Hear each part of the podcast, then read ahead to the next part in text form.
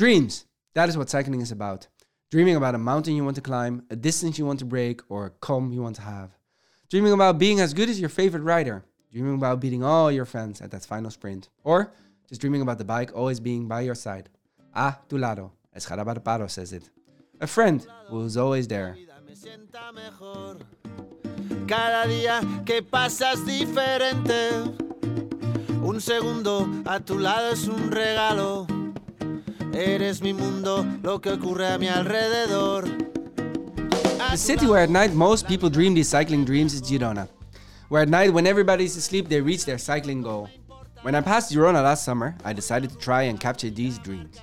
Have people tell about them. The pros or former pros that live in Girona, the people that work in the cycling industry, and the people that come to Girona just to enjoy cycling. Having them share those dreams became one of my cycling dreams. Today, this dream has become a reality. Welcome to Girona Inside, a podcast about the cycling dreams from inside Girona, cycling capital of the world.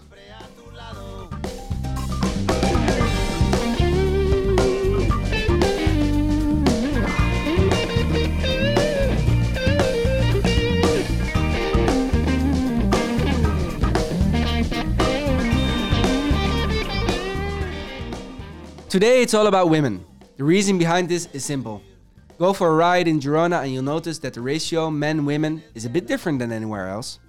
Whilst normally 1 out of 20 cyclists you pass is a woman, in Girona it's easily 1 out of 10. Or maybe even 1 out of 5. Why? I have three guests that can answer that question. Louise Laker from Eat Sleep and Cycle has, has joined us. Ashleigh Moolman Pasio, pro cyclist from racing for CCC Liv Team and co-owner of Rocacorba Cycling.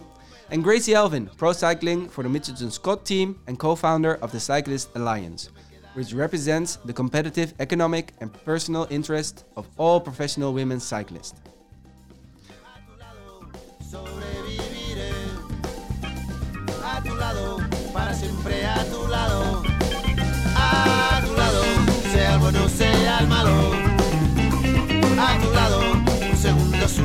Regalo. My name is Jerry Heiner. This is Girona Inside. Let's dream.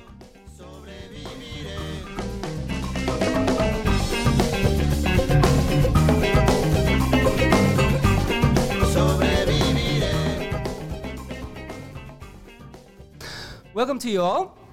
Thank you. Uh, good, that, good that the mics are mics are on and uh, all working. Um, to start off the podcast, I would like you all, and, and anyone who wants to start is fine, to finish the next sentence. Cycling is in Girona for me is. Oh, that's a good one.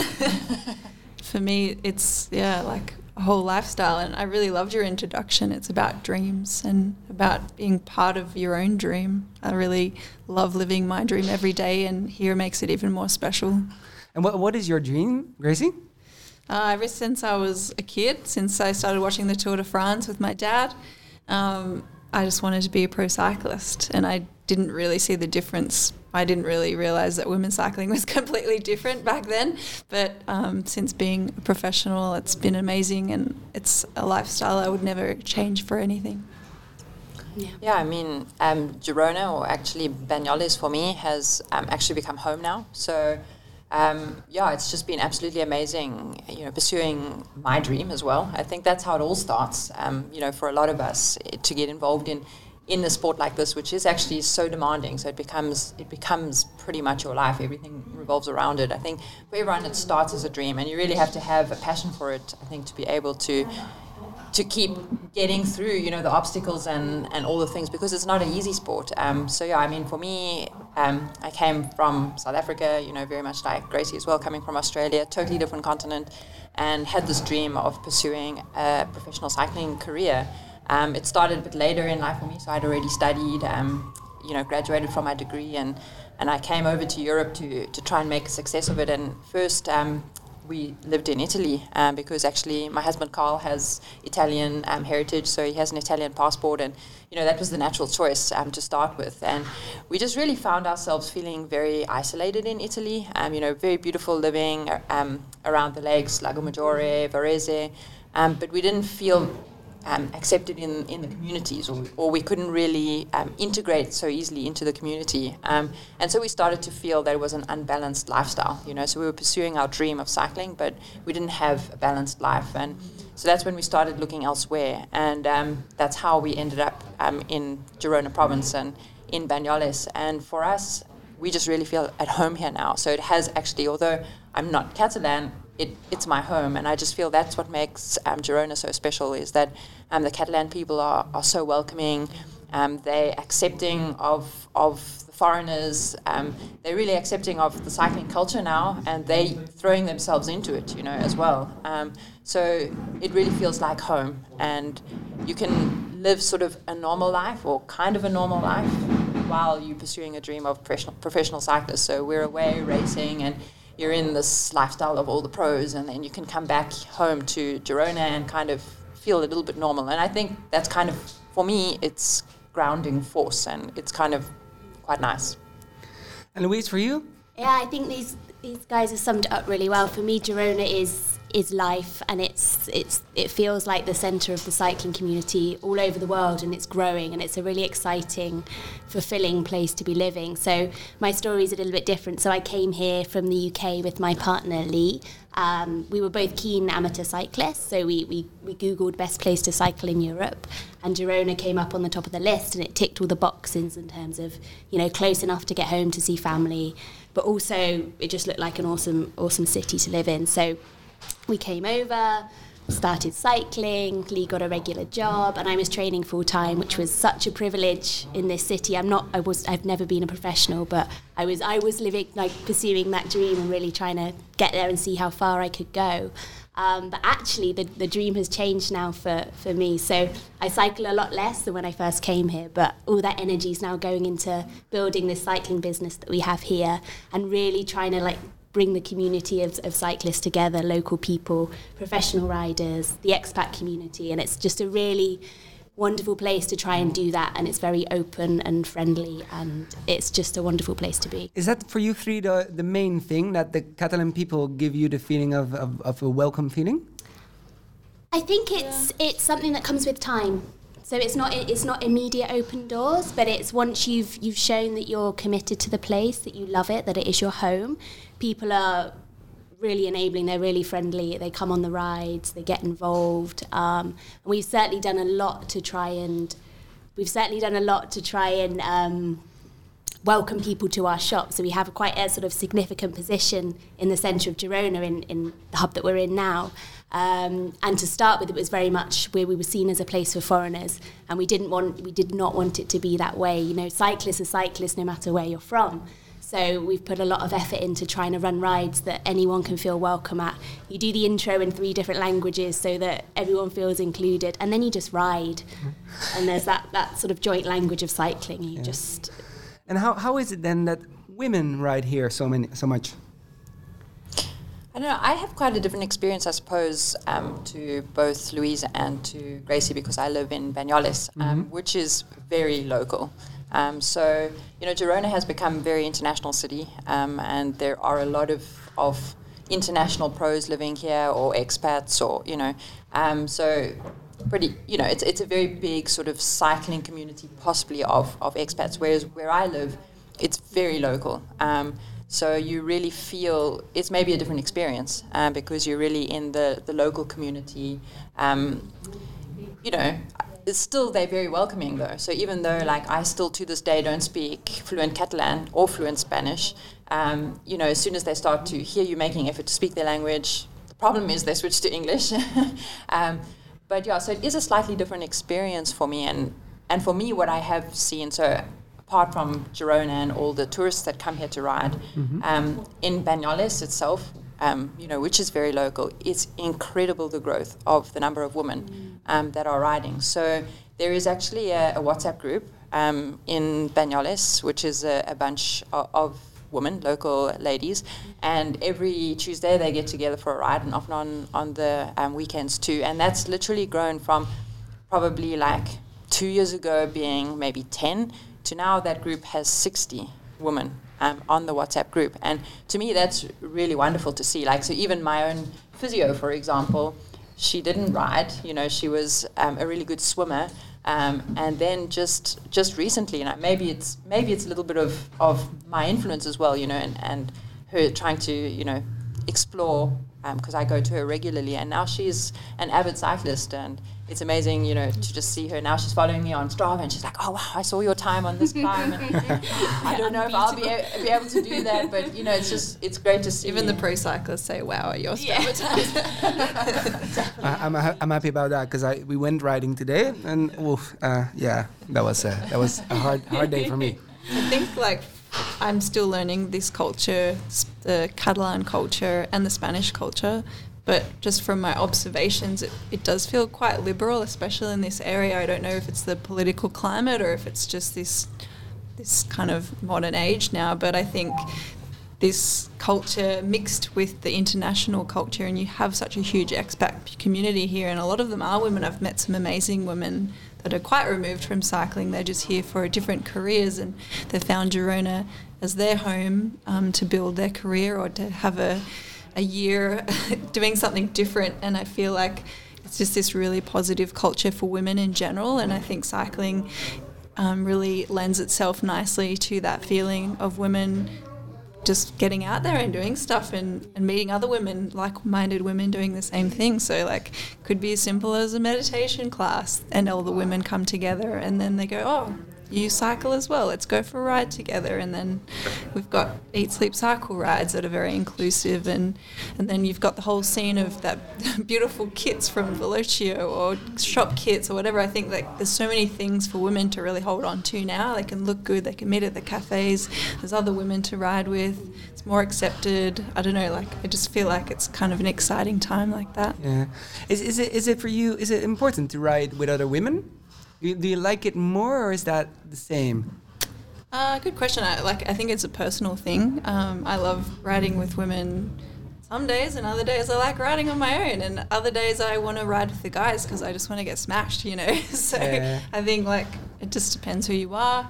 For me, like uh, sometimes I love going riding with the guys because they just ride harder than me, and it's like harder than a race day. But other times I just love to chat for hours on end with my girlfriends that I haven't seen for a little while, and it passes the time really nicely. And they're really strong anyway, so yeah. And I think the thing is now with Girona is there is that choice of group. So when when I moved here nearly four years ago now, I think it's changed a lot sort of quite recently. And at the beginning, well, I guess I was outside that whole community anyway, but you didn't have girls to ride with. I'd go out alone a lot. I'd sit on the back of male group rides and hang on for dear life. And I think now it's it's really changed, and there is that option for people to choose a different type of ride. Um, I also I think it's relevant. I used to race with a local women's team here. Who um, are just an amazing little organisation. They're called the Costa Brava Frigorificas, and they're sponsored by a local business here, and they're managed by a, a, this amazing guy called Felisario, who's from the south of Spain, lives here with his wife, and his passion for women's cycling is just incredible at that kind of local level. And he drives these girls like all around the country doing the Copa España, doing the local races, and that you know that really counts. And I think teams like that at the really local level, coupled with seeing riders like Ashleigh and Gracie cruising around the city, around the countryside, is really it's a visible thing for other women to see and say, actually, yeah, I can ride, and actually there is this support network for me to ride. Yeah, exactly. Seeing You know, there's a people ride I can it. start yeah. with if I can't, you know, I've only ridden a hybrid before. How am I going to ride a road bike? Well, actually, now there's a group you can kind of go to and start to learn, and I think that's just super cool. Yeah. Yeah. I think um, you know for for women, like what I really love about cycling is that I think one of the biggest sort of challenges that faces women is often that um, you know we, we possibly lack a bit of self confidence, you know, and so I really believe that cycling is it sounds quite cliche, but it's it's that sort of self empowerment sort of tool, you know, Totally. for, Yeah. for women to start growing in confidence. And I saw that Yeah. myself, you know, from being, you know, quite shy and and not necessarily have the self confidence, um, you know, even just to voice my opinion. You know, I always think, oh, maybe that's stupid. You know what I'm thinking. But now through my cycling career, having grown in self confidence, you know, I, I feel that I'm a stronger woman. You know. And it, it takes someone to believe in you first, I think. So for me, it it's, it was my husband. Um, but I think what I've really noticed in this area, because I think, well, it's it's a generalization, but definitely the Mediterranean sort of European countries like Italy and Spain, um, you know, women have been somewhat suppressed, uh, you know, and I've even seen this firsthand with a friend of mine, uh, a local, um, who, you know, she really, her husband, not not that he really meant it that way, but you know, she was subordinate to him, and um, you know, she didn't have the freedom really. You know, as soon as she started to have too much power, he try and push her down again, you know. And I'm starting to find that in this area, like women are starting to to gain more self confidence and to kind of be more self empowered, and it is through um, maybe something so silly as, as riding their bikes, you know, that they they grow in confidence. And the nice thing about the Catalan people in that way is that although maybe um, you know there is a, a culture that at, that at first, you know, the men sort of lean towards that way, oh, you know, I'm, I'm the man of the house. They are more open minded, you know, so I've definitely found that, and that's evident just in all sorts of walks of life, for example, even food. Like, they love their, their um, culture and their um, heritage and the traditional foods, but they're also ready to add another extra swing to it that makes it somehow different, you know. Um, so I really do find that they are a little bit more forward thinking here, or a little bit more um, sort of ready to embrace, um, you know, change um, in the world.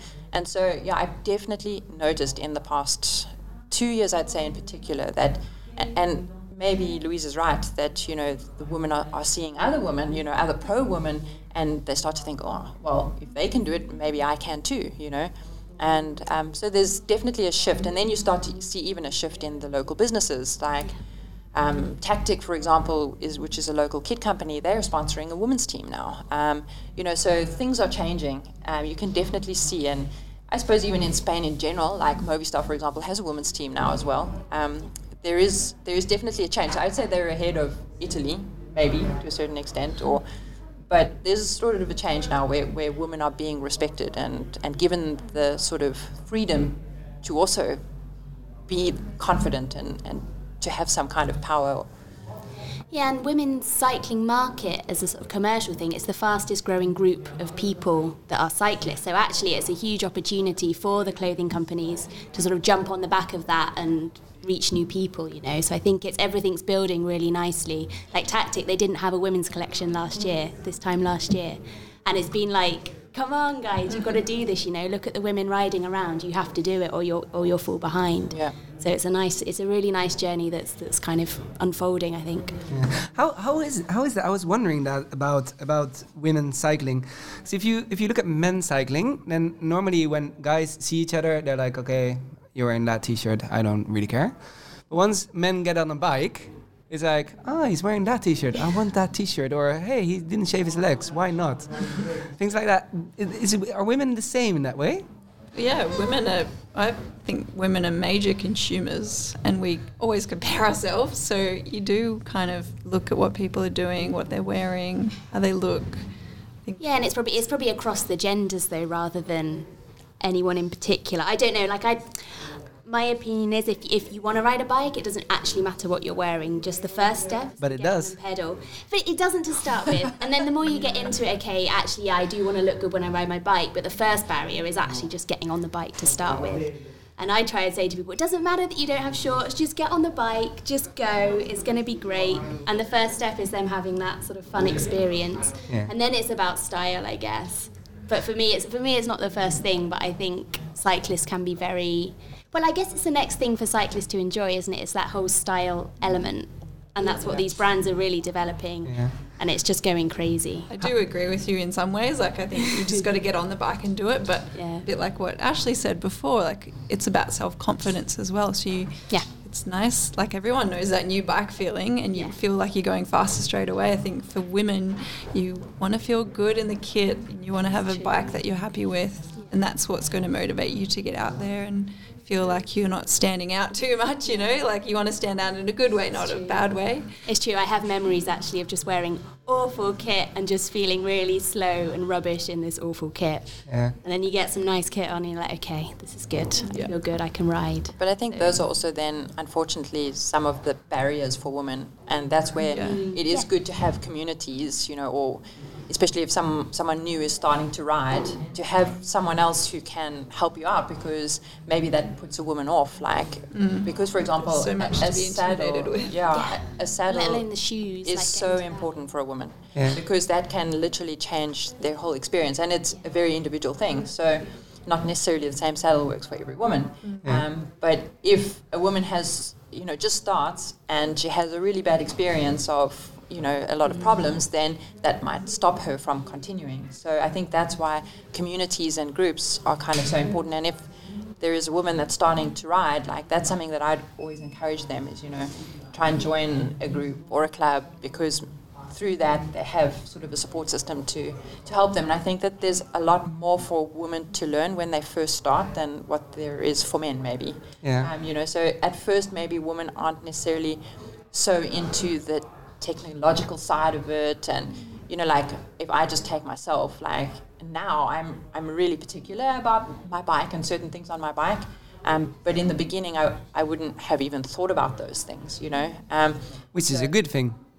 yeah i mean yeah now the challenge is sometimes is to find the most downgrading experiences when you as a woman for example you go to your mechanic who might be a male and you say something and they're like oh she knows nothing you know she's just yeah. a woman And that that used to still be have- the standard experience that going used into to a be bike the shop. standard experience, like, but it, that is changing in. now. That is Yeah. definitely changing now. So I can definitely say that that's um, changed through my career now. That that we are being respected, you know, f- for our opinions, or that we can actually feel if something's wrong on our bike. You know, especially if 100%. you're on it so often. Um, So how, how many women mechanics are there?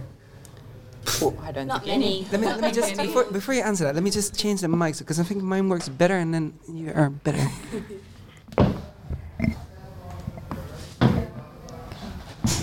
Sorry, yeah, that, that should be better. Can you can you say something, Ashleigh? Hello, hello. Yeah, you're much better. yeah. And you're much more important. So let's do it like that. Um, yeah, the, the question is how many how, how many uh, uh, mechanics are there? like women mechanics?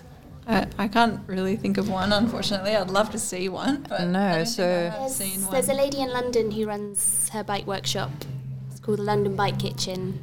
I've never met her, but she looks awesome.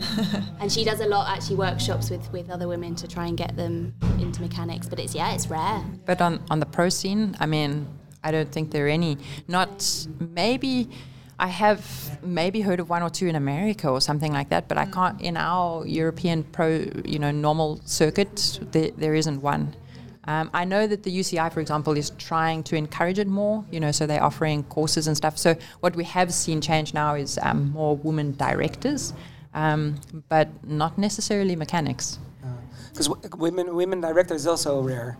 Yeah, there's not many yet still. No, so I mean, More every year, but Trek, you know, the new women's uh, Trek team, they their directors are, are all women. Um, but yeah, still very few. Um, you can count them on almost one hand. Yeah. Do, do you feel do you feel that that needs to change right now, or do you feel that that is something that has to do with the the age of the women's sports that, that you need to develop and then for example i don't know if uh, marianne vos will ever uh, stop cycling then she might become a director and, and you guys you girls might become a director once you're you get older and, and stop cycling or do you think there's enough uh, potential already now to step in Uh, I think there's a lot of factors involved. Um, my the co-founders of the Cyclist Alliance, um, Carmen Small and Iris, they're both directors actually. Um, Carmen's full time with her team with Virtu, and Iris does it in a smaller teams in Holland, and sometimes fills in for the bigger teams.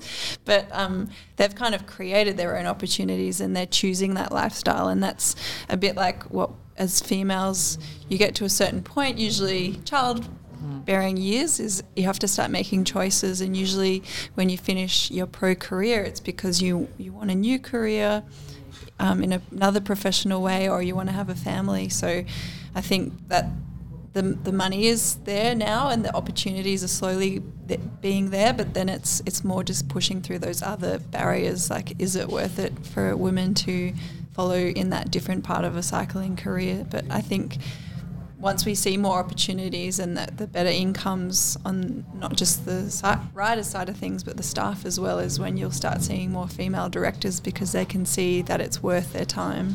Yeah. Yeah, and there's a future there, I guess. Yeah, as it's, well. it is It's a building proper something. career path. Yeah, and as Gracie mentioned, I think that's probably one of the biggest challenges uh, for us as women is if you want to have a family or if you want to have children, that definitely changes things in a big way. Um, but we're starting to see that even change to a certain extent. If you see um, Lizzie Deignan, who's just had a baby and she's returning to racing six months later um, next weekend at, at Amstel Gold.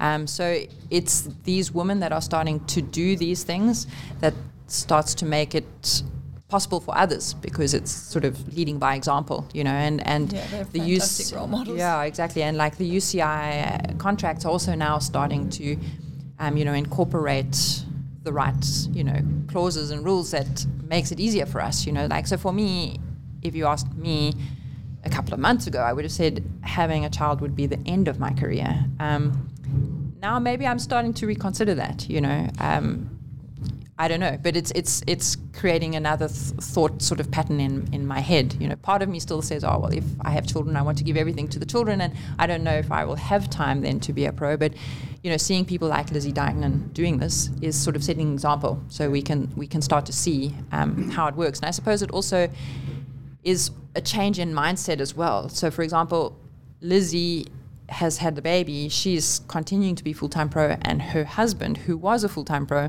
has retired. And so he's taking on that role of looking after the baby. And Someone's got to do it. Exactly. And in, in, a, in a, a couple of years ago, that would be totally frowned upon. Like, if I even take my own example um, of myself and my husband, Carl, um, you know, we both studied um, engineering degrees. You know, we graduated and we thought, well, we're young.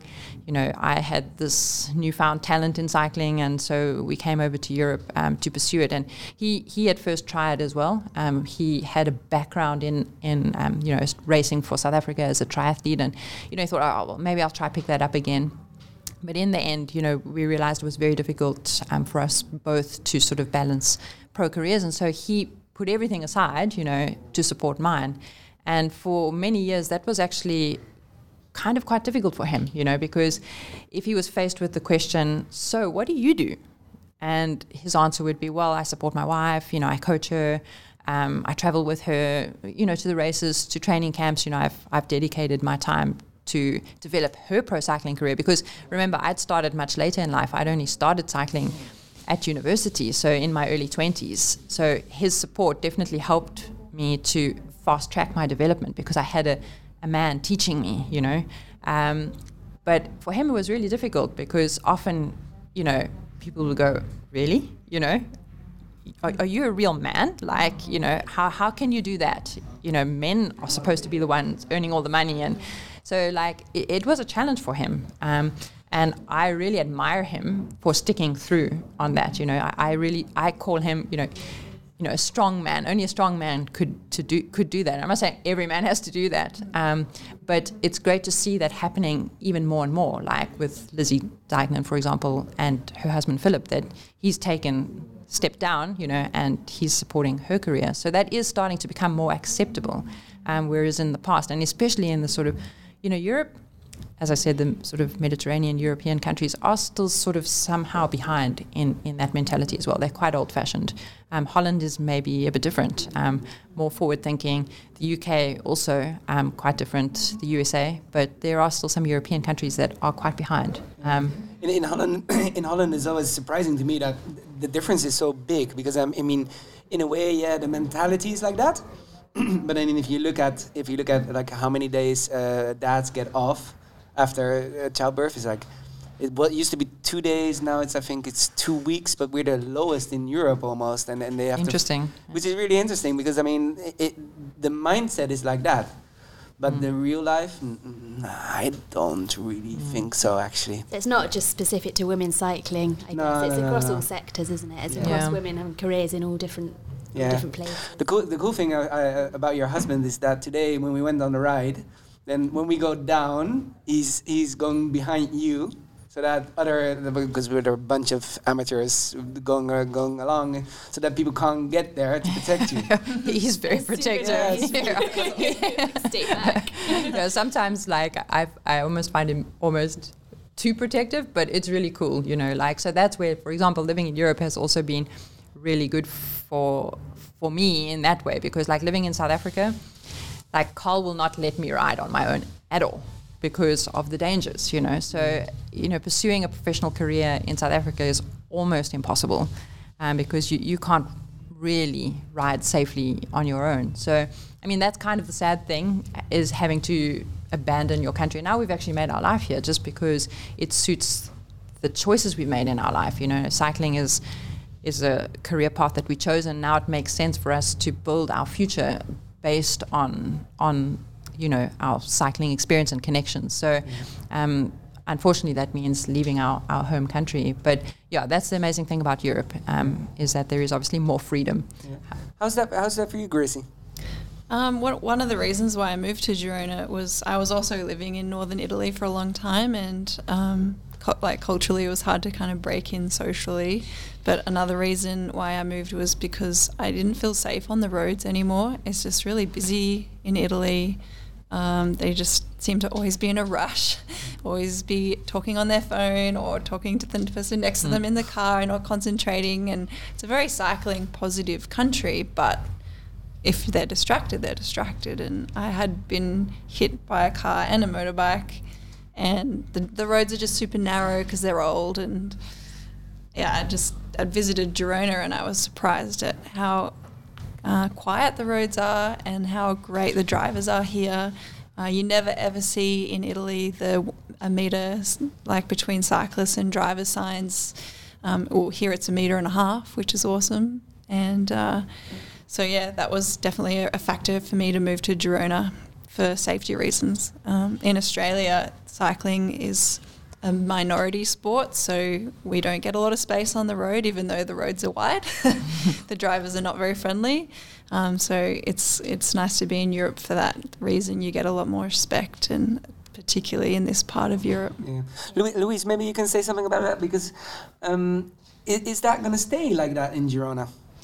Who knows? I mean, Girona is a city that's growing. Let's not forget that lots of people are moving here. There's there's new estates being built on the outskirts. So I think more people will come to Girona, and that will impact traffic levels. But I think um, the local traffic culture here is it's tranquilo. No one's in a rush. It's it's the, the culture of life. It's actually yeah. it doesn't matter if I'm two minutes late to go somewhere. They take ages. I'm normally ten minutes late awesome. to go somewhere. So it's you know there's that just it's relaxed. And I think as long as that stays, and as long as cyclists are respecting the rules of the road and setting a good example, then there's no reason why the sort of harmony of cyclists and cars can't continue. Um, but I think you know, obviously Girona might start to have more challenges because it is becoming such a hotspot, and, and not only for cycling, but it's it's a very popular city for for all types of tourists.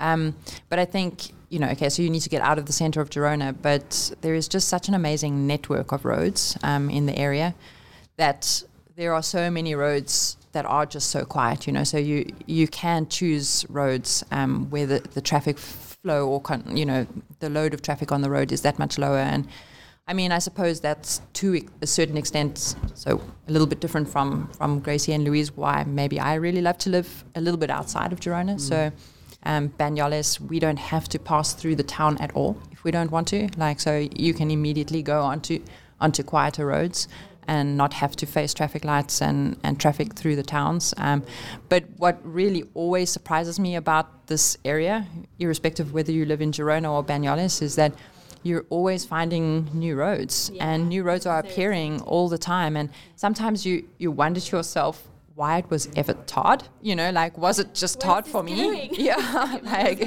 um, so, so there's so many um, you know choices and, and different road options that you can very easily you know after you've left the city find a really quiet loop where where you're out of the way of, of, of the motorists. And if they're on that road anyways they're not in a hurry because they're not going you know for example to another city or a or a business meeting you know. Um, and they generally have to drive um, slower on, on those type of roads because they're narrow or they're winding.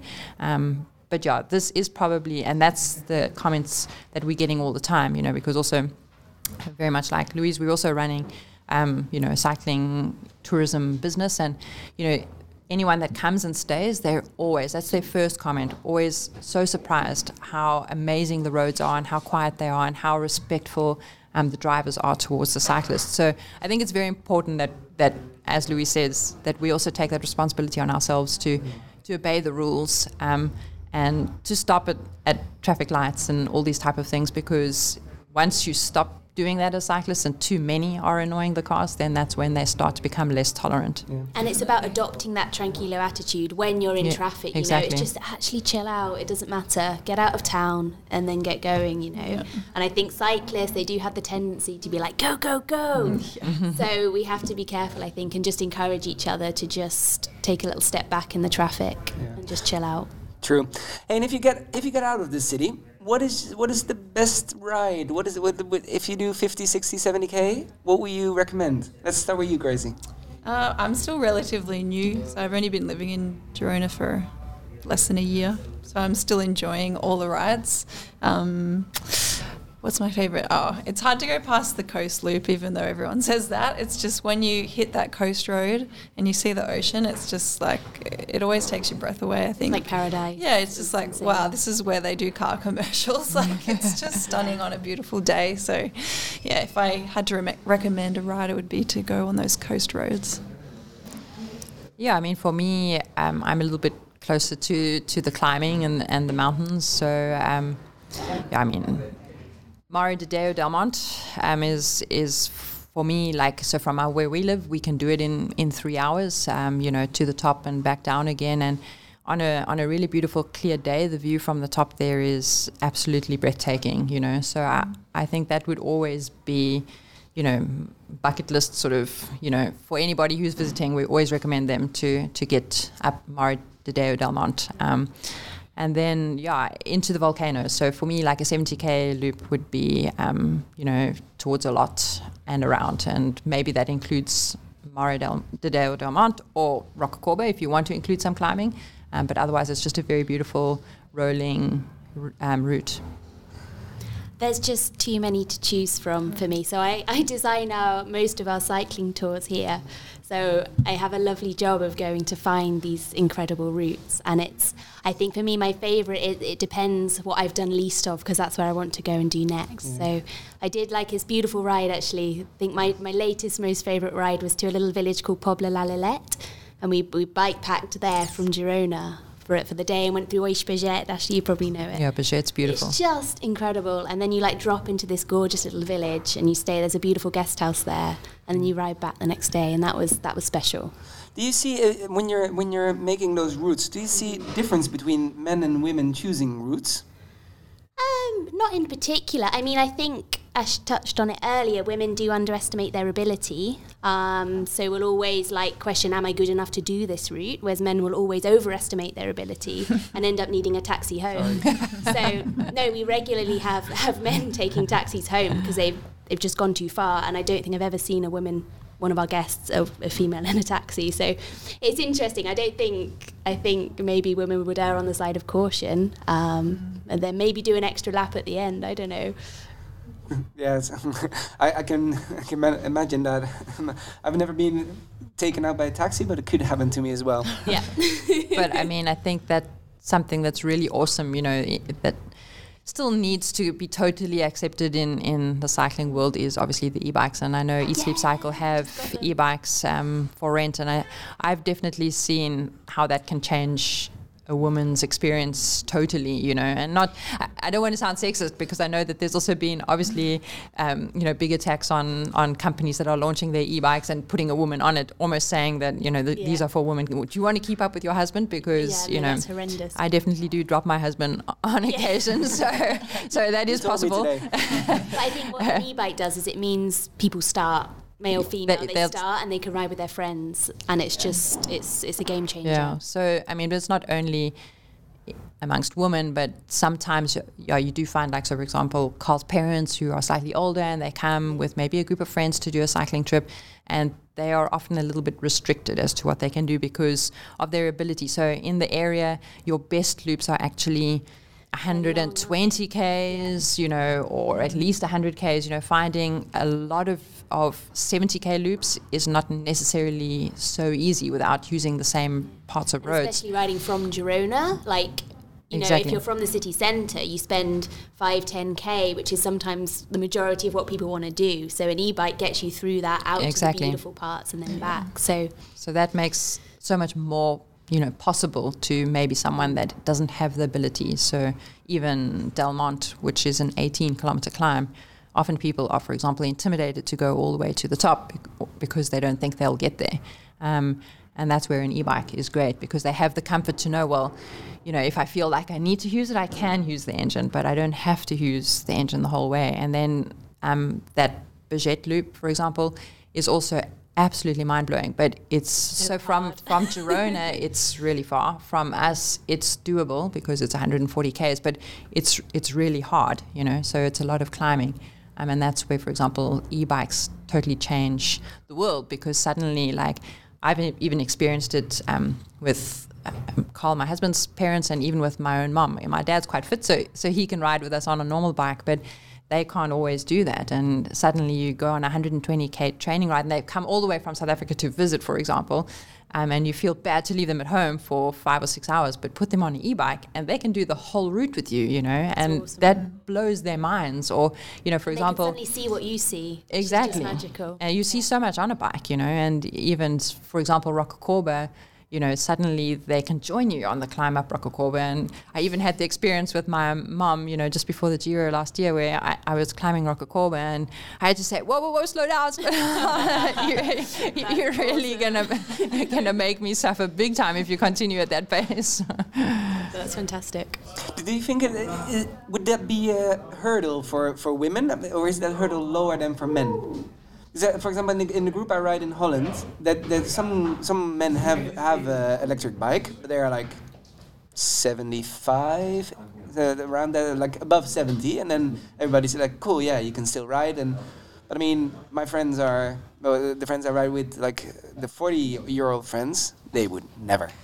It's an ego thing, right? Yeah, yeah.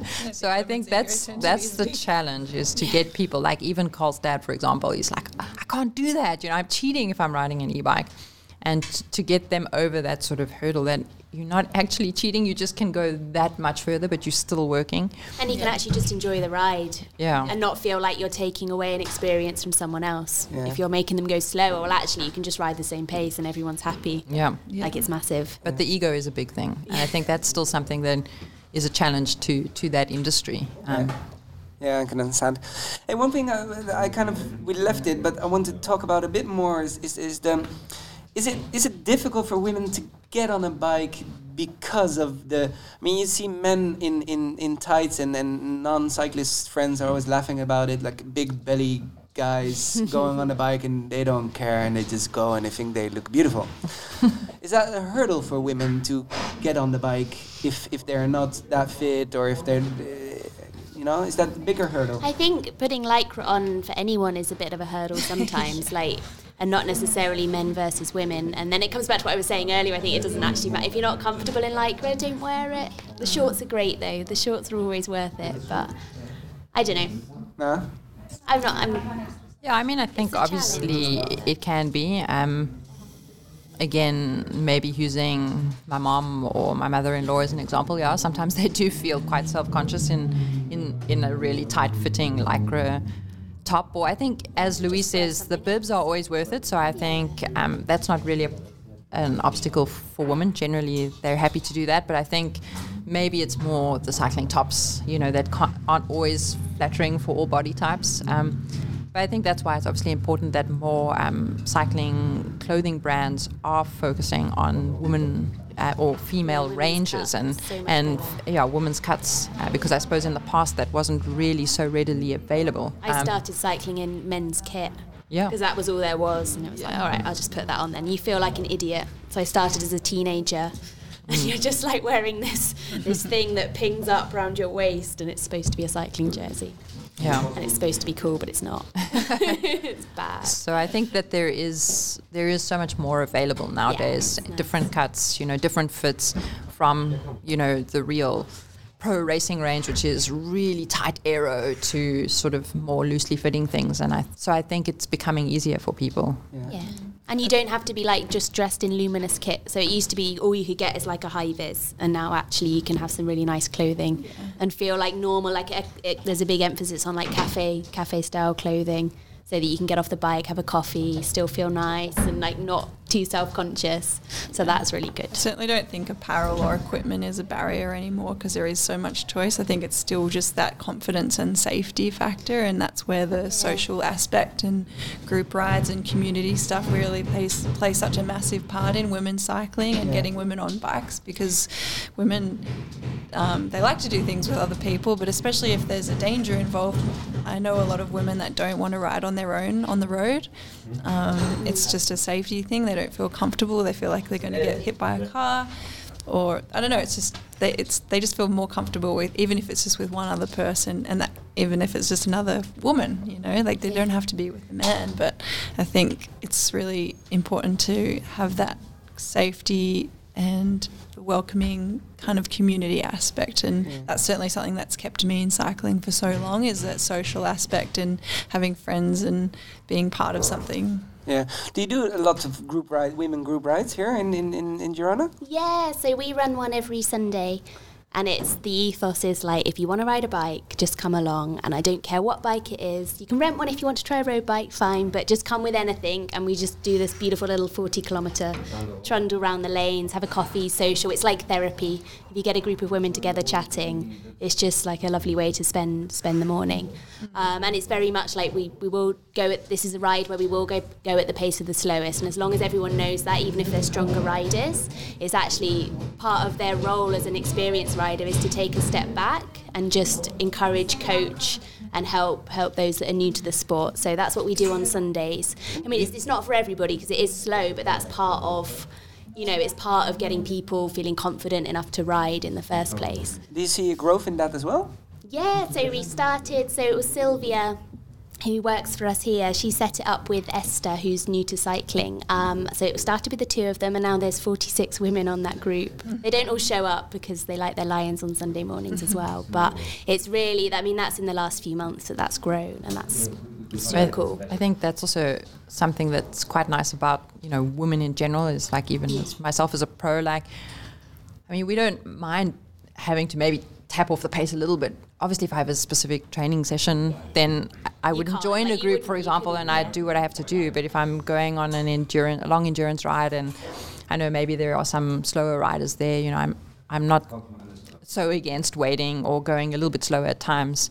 Uh, we're generally, I think, more accommodating um, And so much more supportive as well. Yeah. Like, That's would probably something that, that totally annoys me the most. If you a- ask someone to go for a ride with you and they go, "Oh no, I'll be too slow for you," Yeah, or exactly. They get that they're really worried that they're not Yeah. going to be good enough to ride with you. And like I'm, I'm not competitive really. If I'm not racing, I don't want to race people in training. You know, like I, No. I enjoy riding at their pace. And if I, yeah, like Ashleigh said, if you have to train, you just go train, and you often have to just do it on your own.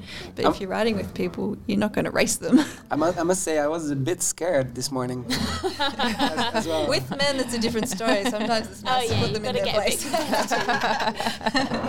Just sneaky. yeah. Yep, yep, yep. Let's let's talk a bit, bit more about the the pro peloton. Um, we were talking before about uh, uh, salary is a is, is a thing. What, what what what things do you uh, like to see changed if you if you look at women cycling? Um, personally, uh, from the standpoint of the Cyclists Alliance, it's still just exposure. Really, is the the root foundation issue. So. With exposure and with popularity comes money, and I think you can't just complain and whinge that there's no money in the sport. You know that it's a business at the end of the day, and it's entertainment. So, yes, there should be better conditions, certainly in terms of safety and ethics, but um, in terms of money, you can't just expect it to come from the UCI or to, for it to appear out of thin air. So, we really want to see how our sport can be marketed better, um, exposed better with live streaming and coverage on TV. Free to uh, free viewing is always the best way for anything to get exposure, and you've seen that in a lot of other sports. Um, in Australia is a great example. The women's uh, foot Australian Football League, their first season was free to air, and their second season, that's just finished in Australia, has been so successful. They reached viewership of nearly the same as the men's side. So it's because they, the the right people, just were like they just put them their money behind getting it to the people and getting people really invested in it people sharing the, the stories of the athletes. People like became fans of certain players and certain teams, and there was this really great narrative there. And I think for women's cycling, that's what we really need. And we have some really great people putting stuff like that out there, like Vox Women and and you today. But um, like we need more of that, and um, that's where the money's going to come in the end. But um, we are seeing a change coming from the UCI, which is really good, and there will be a minimum salary implemented from next year. But there certainly is going to be a lot of teething problems with that, and we have to be careful. A lot of, a lot of what? Teething problems, like problems that will arise from that first year or two of that being in place. So a lot of teams are complaining now or worried that it's going to um, collapse a lot of teams. So we do Ah. have to be careful with how it's um, begun. Yeah. Is, is, is that in the open? I, I, I don't know if I can ask, but uh, what is going to be a minimum salary? Uh, they did announce it. It was. Um, already- At I've first, there was the some, yeah. At, at, at first, there was some absurd announcement from the UCI president at the World Champs that, you know, in what two years that it would be phased in over a couple of years, and that by in two years it would be equal to the men, and that that was just a, a statement that he made totally out of context, and I think you know he just he was just being a politician to be honest, um, in in that moment, and so even you know commenting from my own side, I was actually really angry with that statement because I felt like you you can't like Gracie says you, you can't expect money just to appear out of thin air you know? Um, there has to be strategy involved. Um, you know it's not just about the UCI changing um, their their rules. It's also about creating an environment in which sponsorship can be attracted to the sport and um, so yeah, we're definitely seeing improvements in that um, every year. But I think the biggest challenge at the moment is obviously consistency. So, like Gracie explained with um, with the football in in in Australia, is that if there is sort of a um, a consistency in the exposure, then you can build a narrative. You know, there's a story.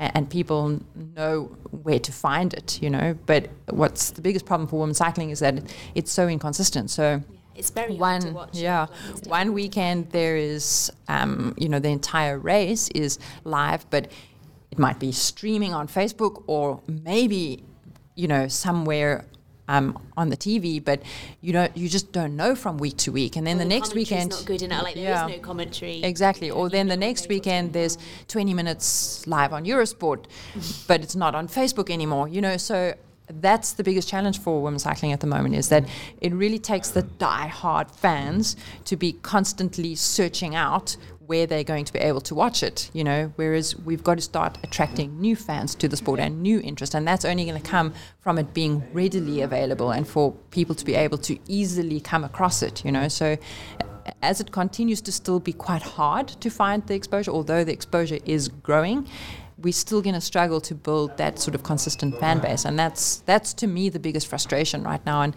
and I agree totally with with Gracie. Is what we need is we need we need a big corporate company or whoever it is to believe in building that narrative. So right now, obviously, it's a challenge enough, for example, for some teams to continue to find sponsorship from year to year. But like for me, I think the biggest value would come from someone really investing their, their time and their money in creating this narrative for women's cycling. And then, of course, the other things will start to come more easily. Um, Should that, that then be be um, combined with the men? Because what I always uh, wonder is that, for example, you have the Ronde van Vlaanderen, and then uh, you start in different time, and then and you see some footage, but then they're talking about the men thing on, on, on TV, and then you see the men start, and then. Oh yeah, and then there's the women the last 20k or something like that. Yeah. You know what I mean?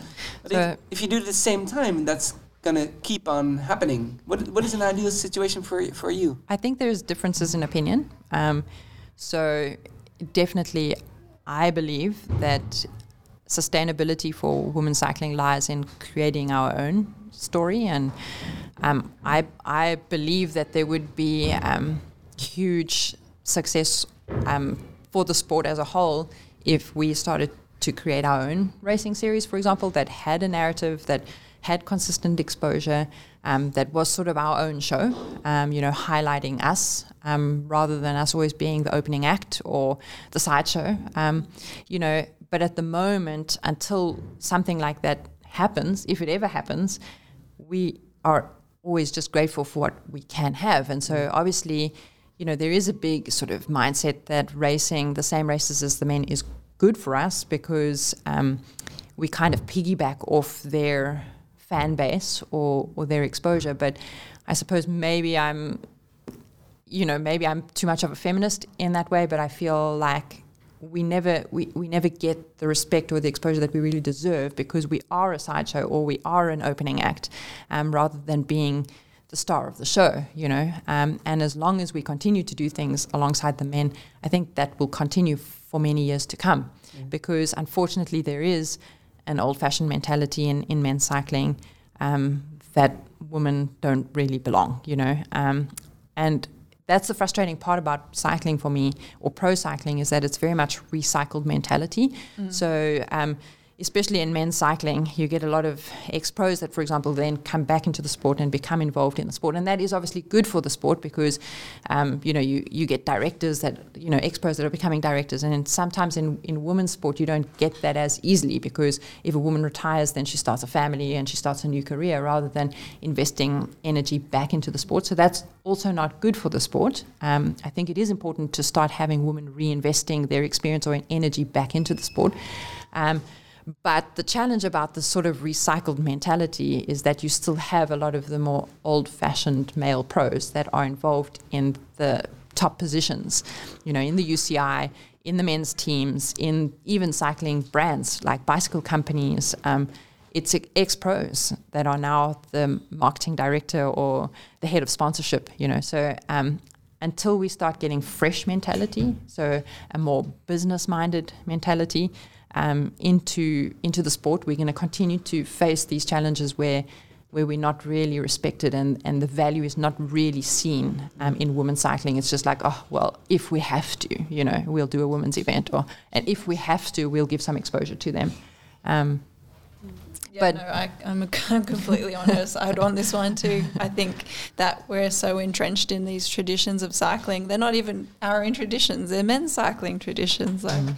Most of our races aren't actually that old, so we have this like kind of this culture and this history. But when you really think about it, it's not really anything to do with women, um, and sometimes it's hard for me to accept that because one of my favorite races is the Tour of Flanders, and there's so much history involved in that race but it's actually not a lot of women's history at all. so um, I'd love I love racing that, that day, and you get all the men's fans, and like there's a million people out on the course on on a good day. So you're kind of thinking, oh, why would you give that up? But they're there for the men, really, um, and like you, we've seen with some really successful women's races and women's teams like Wiggle and Boels, like they're standalone teams. They're not piggybacking off men's teams. Their sponsors are there solely for them. They're fully invested. They can see the value in the team. Um, they're, they're given the best of the best because that's what they're there for. You know, they're not given secondhand stuff from the men's team, or they're not they're not treated as a sideshow. So I think um, like we I think we'd really benefit from having that narrative with a, a new series for women or a recreated world tour and just just rewrite mm. the whole calendar. I think there's a lot of holes there and a lot of there's actually not a lot of space at the moment to include new things that might be really beneficial to women's cycling because we're so stuck in this tradition that's shouldn't really be a tradition. So I don't know, like you, there's just so many possibilities. Like, but would you, but then, would you then want to do, for example, Ronde van Vlaanderen, but then on another day? Or do you want to do a whole other race and, and build it I up mean, and, and, get the mythology that you have in men's cycling? But uh, like, I don't think the there's a clean cut answer. I don't think it's really it's black and white. I think it's really I think it's fine to have both. I think some days we can run alongside the men, and that's mm. really beneficial to us, and other times we shouldn't.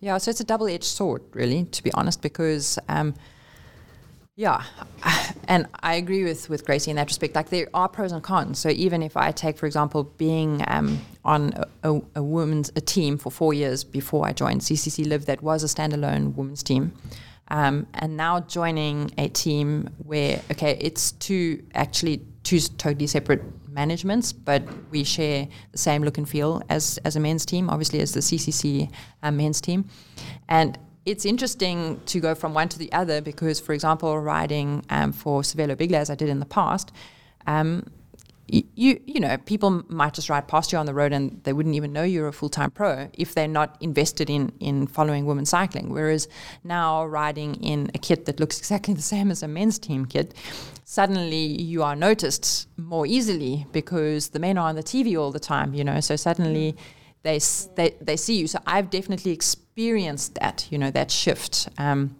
and although, like, my my dream is to see women's cycling create something for itself. Like, I'm not totally unrealistic. I do see the benefit in in having some sort of collaboration or overlap with the men. You know, it as I said, it's a it's a double edged sword because we are getting some benefit from obviously wearing a kit that for me, for example, wearing a kit that's the same as Greg van Avermaet, you know, um, suddenly in Belgium the people notice you. But then, interestingly enough, doing the a recon for the Ronde van Vlaanderen and riding with Marianne Vos, who's probably the most well-known woman cyclist in the world, you know, and we were going, we were um, entering the the Muur van Gerardsbergen, and there were some people around, and they saw us in the kit, and they obviously noticed it because Greg is a hero in in Belgium, and then their comment is, ah, it's just the women's team, you know, and okay, I can understand a bit of that, so I could understand that as well. But then Marianne's comment immediately was, immediately was, you'd never hear that in Holland, you know, and for her it was actually like you know, she's Marianne Vos, and most people do know who she is, you know, even if, if they're not diehard women cycling fans. But even just to see that from her her side, that she even felt that like, oh, you know, like so they're saying, oh, you're not good enough, you know. And then there was another another occasion on the same day where we stopped to um, to alter sort of tire pressures, and Marianne sat on a bench because there was a bench right there, and a Belgium guy rides past, and it, again in Dutch he he sort of says, oh, so are you too tired now? And and my response to it was like, yeah, of course, you know, we women, we're not good enough to ride Flanders, so we need to rest, you know.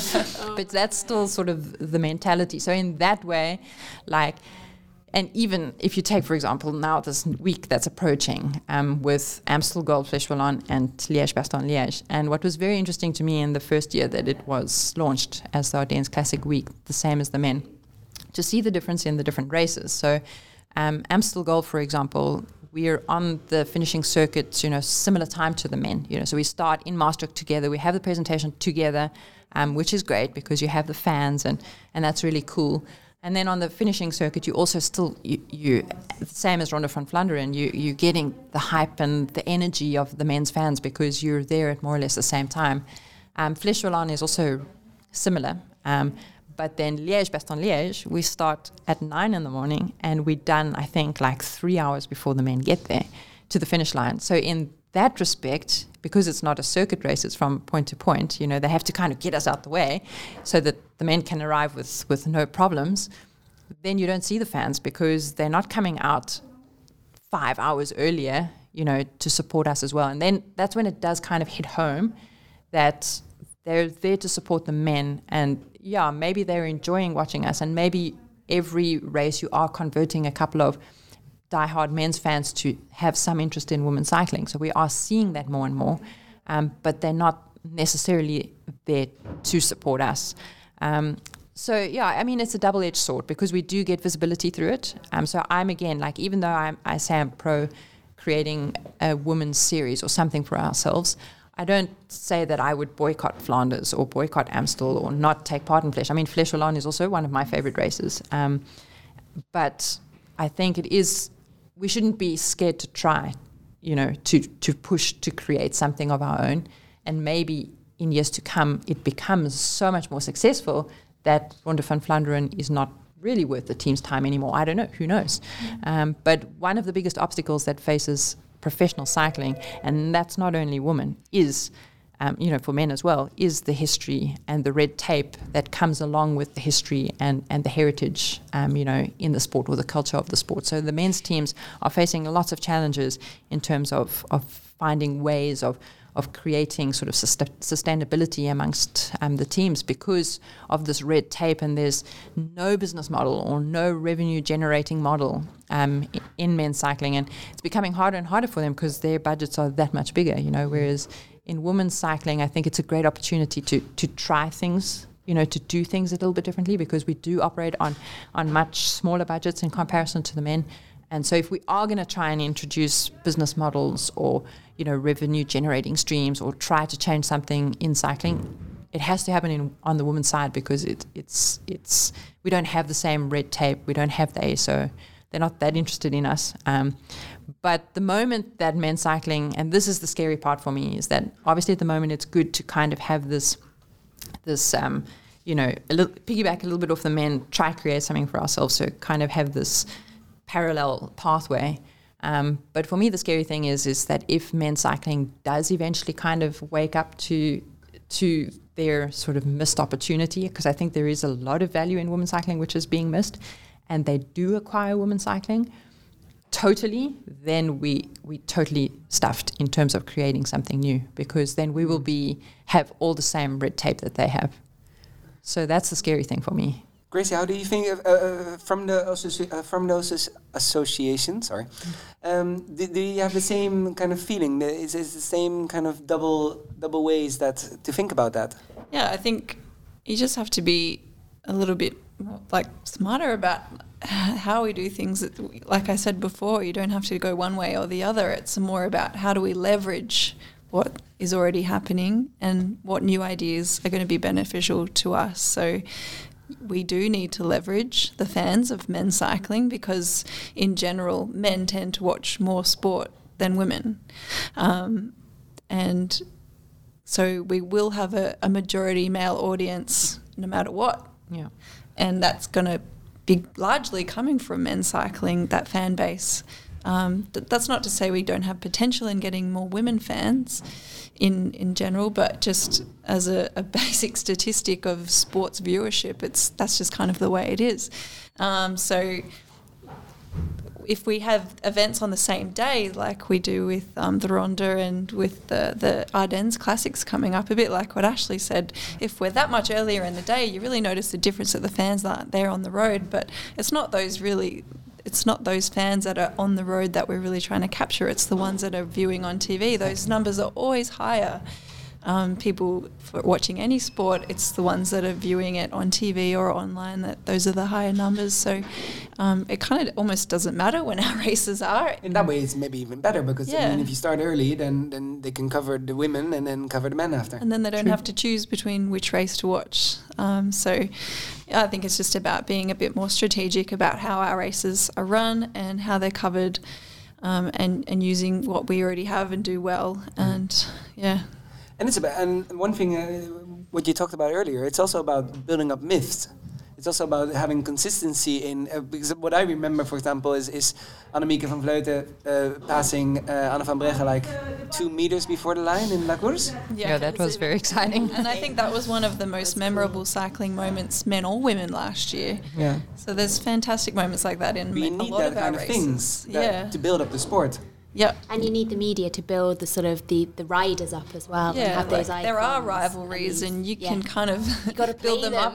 you can build them up more than they really exist because, like, It's a good story. Sure, it's fun to see like um, Marianne race against Lizzie Deignan, and like they're battling it out, even though they probably like each other in real life. Like you can create stories, and like people want to watch that stuff because they're really good athletes. Well, But even, you know, sorry, just to quickly interrupt to add to that, like exactly that. I mean, if it, if we didn't have exposure of that race of course, for example, no one would have seen that, and that that is an amazing story. It was such an exciting race, but if it didn't have exposure, it would have been totally missed. And then, like. And that's why it's so important. So even just recently, for example, um, Trofeo Binda in Italy, um, which Marianne won, um, it was an an incredible race in the final because it was also a really exciting scenario where we had a breakaway group of eight and the bunch was close behind and, and they were chasing. And so in this case, um, you know, I'd been quite aggressive in the race and now had settled to the fact that we had eight. So we were going to a small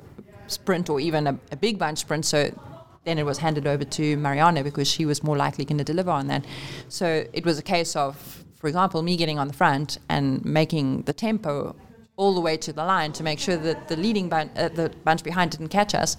But if this hadn't been, I didn't have live streaming, nobody would have seen that. And then it's just a result on paper, you know, and oh, Marianne won the race.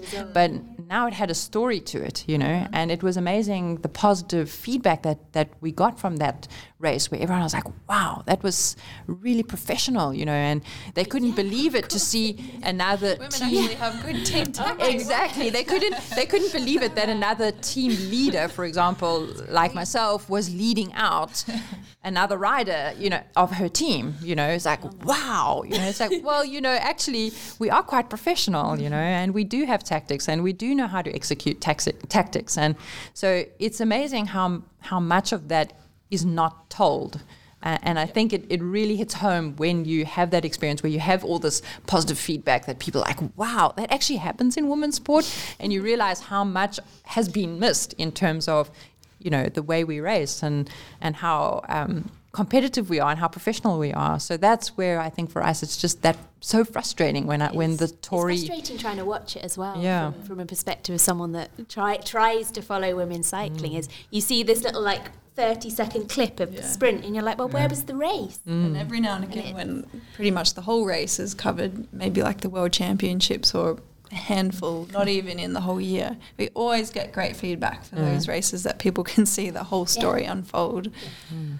Is, is football uh, maybe maybe an example for uh, for uh, how to develop it? Because if, if we if we look at Holland at, at least, stadiums are full for women women football.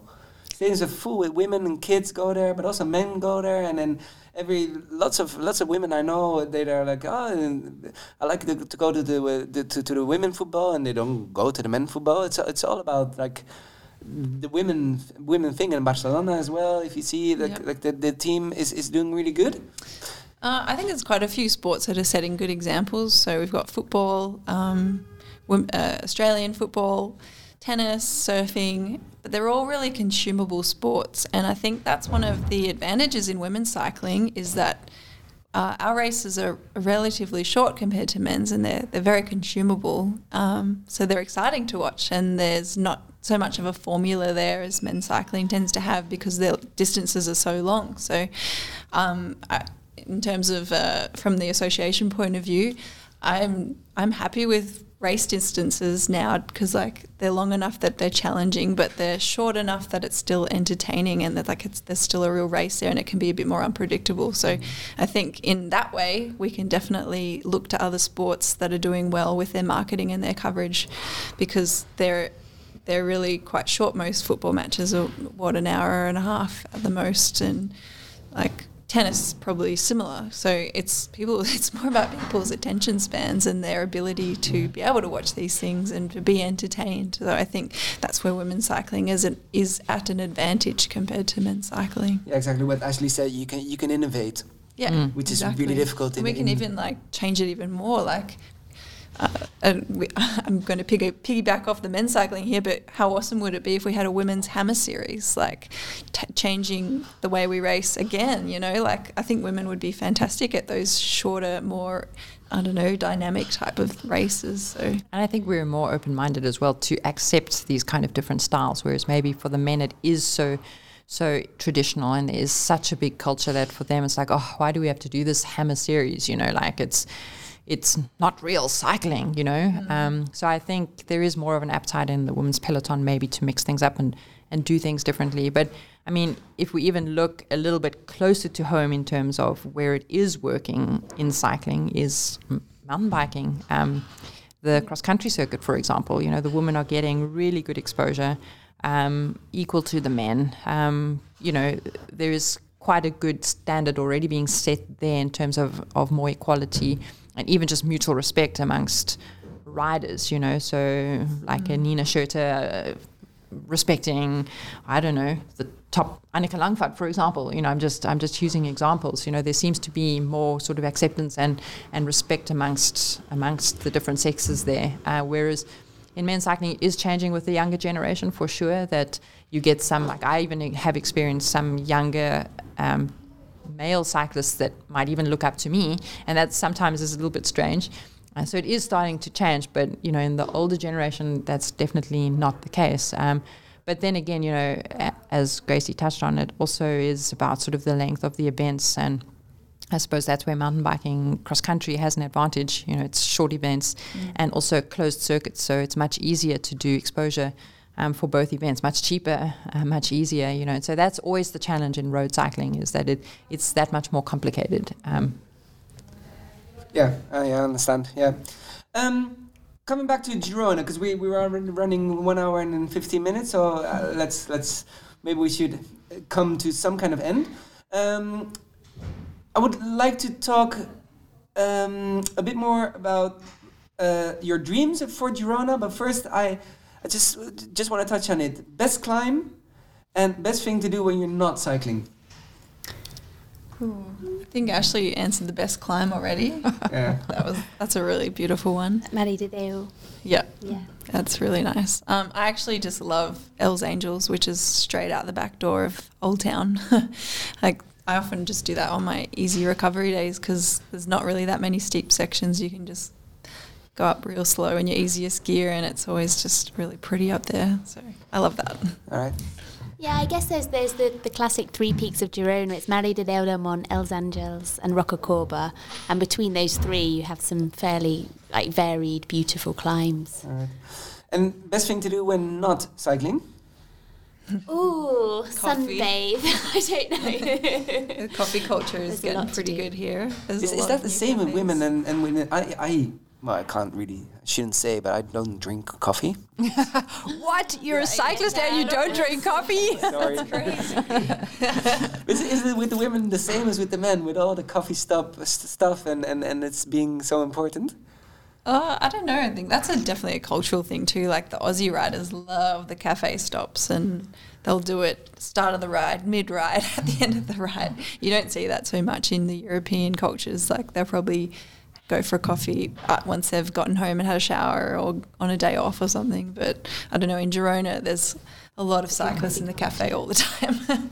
But I think it's I think it's the same, uh, men and women cycling. I mean that sort of coffee culture and being able to go to the co- the um, bike or cyclist friendly cafes. You know, I think it's you know both men and women love it just as much. Um, but yeah, I mean, yeah, for me again, not living in Girona, living a bit outside. Like I really love the lake. Um, so we live very close to to the lake of Banyoles and that's always just a really nice place to go on a rest day or after a ride, um, just to have a coffee. beautiful, That water. Yeah, it's somehow is just so relaxing and I think in summer, like just going anywhere where there's water and just jumping in, whether it's the beach or Banyoles Lake, is just super special. All right. Then to, fi- to finish it off, the Girona area, let's take it a bit wider, a bit wider. Uh, what would you dream it would be like in five, ya- five years from now? I don't know. Good question. maybe that's something that is of more interest probably to to Louisa and I, for example, because we're business owners in the area, you know. So um, of course we'd like to see um, the cycling culture grow and to have more people coming out. I mean. So for for me in particular, you know, with our business, uh, Rocacorba Cycling, which is a little bit outside of Girona, obviously, at the base of Rocacorba and, and above the lake of Banyoles, um, you know, what sort of prompted us to start this business is obviously to be able to share, you know, our passion for this area and to be able to allow others to just get a taste of what it's like. You know, I, I really believe that this is cycling paradise. You know, um, and there are other places in, in Europe that are, are still quite popular. For example, Mallorca. But you know, I've been to Mallorca a couple of times, and yeah, it's great. But there's just something really special about this area. You know, um, not only obviously the quiet roads and it's just I don't know the authenticity, you know, the people. Um, it's just really amazing, and so obviously I'd like to see more and more people coming here um, to experience what we get to experience every day. Yeah, I think that's it's an interesting question because you see, as Ashleigh mentioned, places like Mallorca that have probably become a bit oversaturated with tourism, but not necessarily cycling tourism, but because it's a huge sort of tourist destination in its own right. You get the big high-rise hotels, you get the roads clogged up, and it really impacts the local culture. So I think my, my dream for Girona is that it, it stays Girona. You know, it stays local. And I think there's a there's a natural cap on the city because there's actually a very small number of hotel rooms here. So it's very it's very difficult. You can't host the big groups. Stuff is always fully booked. And that actually for me it's not necessarily a bad thing because Girona will have the high quality cycling tourism because you, you can't get the big groups. There's not the budget hotels. You can't get the all you can eat buffets. And that's I think I think if like we can protect that as as local businesses and keep Girona kind of special and authentic, that's that's really exciting. It's it's it's a tricky. It's, it's exciting to see what's going to happen. I mean, the, the old town has changed so much in the last sort of four or five years. Like new businesses are popping up, cafes, Yeah. business, there are bike cycling businesses. So it's exciting, and you can see that bringing new life to the city. But it's in moderation, isn't it? It's it's protecting what's good and mm. not letting it get oversaturated. Yeah, I totally agree with Louise. We don't want to to totally, you know, emulate what they're doing in, in Mallorca because that's what makes Girona special is that it is authentic and that It's you don't have these experience, yeah, you don't have high rise hotels with as as you said average buffet food. You know, I think the important thing here is is to keep that authenticity and people should know that when they come here, you know, they're coming to stay in a unique place and and the restaurants are special and yeah. Yeah. And to see 50 50 men and women on bikes. Yeah. That's a, that's a good end, end to this podcast. I would like to I'd like to thank you all, uh, Louisa, uh, Louise, uh, Ashleigh, Gra- Gracie. Uh, thank you. Uh, I would like to thank Eat, Sleep, and Cycle providing the place to record this podcast. Uh, bike Breaks for having me the bike f- to follow you today, which was a bit hard, but it went. Um, if you like this podcast, please show your appreci- appreci- appreciation on Instagram or iTunes, uh, and, and hopefully uh, there will be a next one, and uh, we will let you know.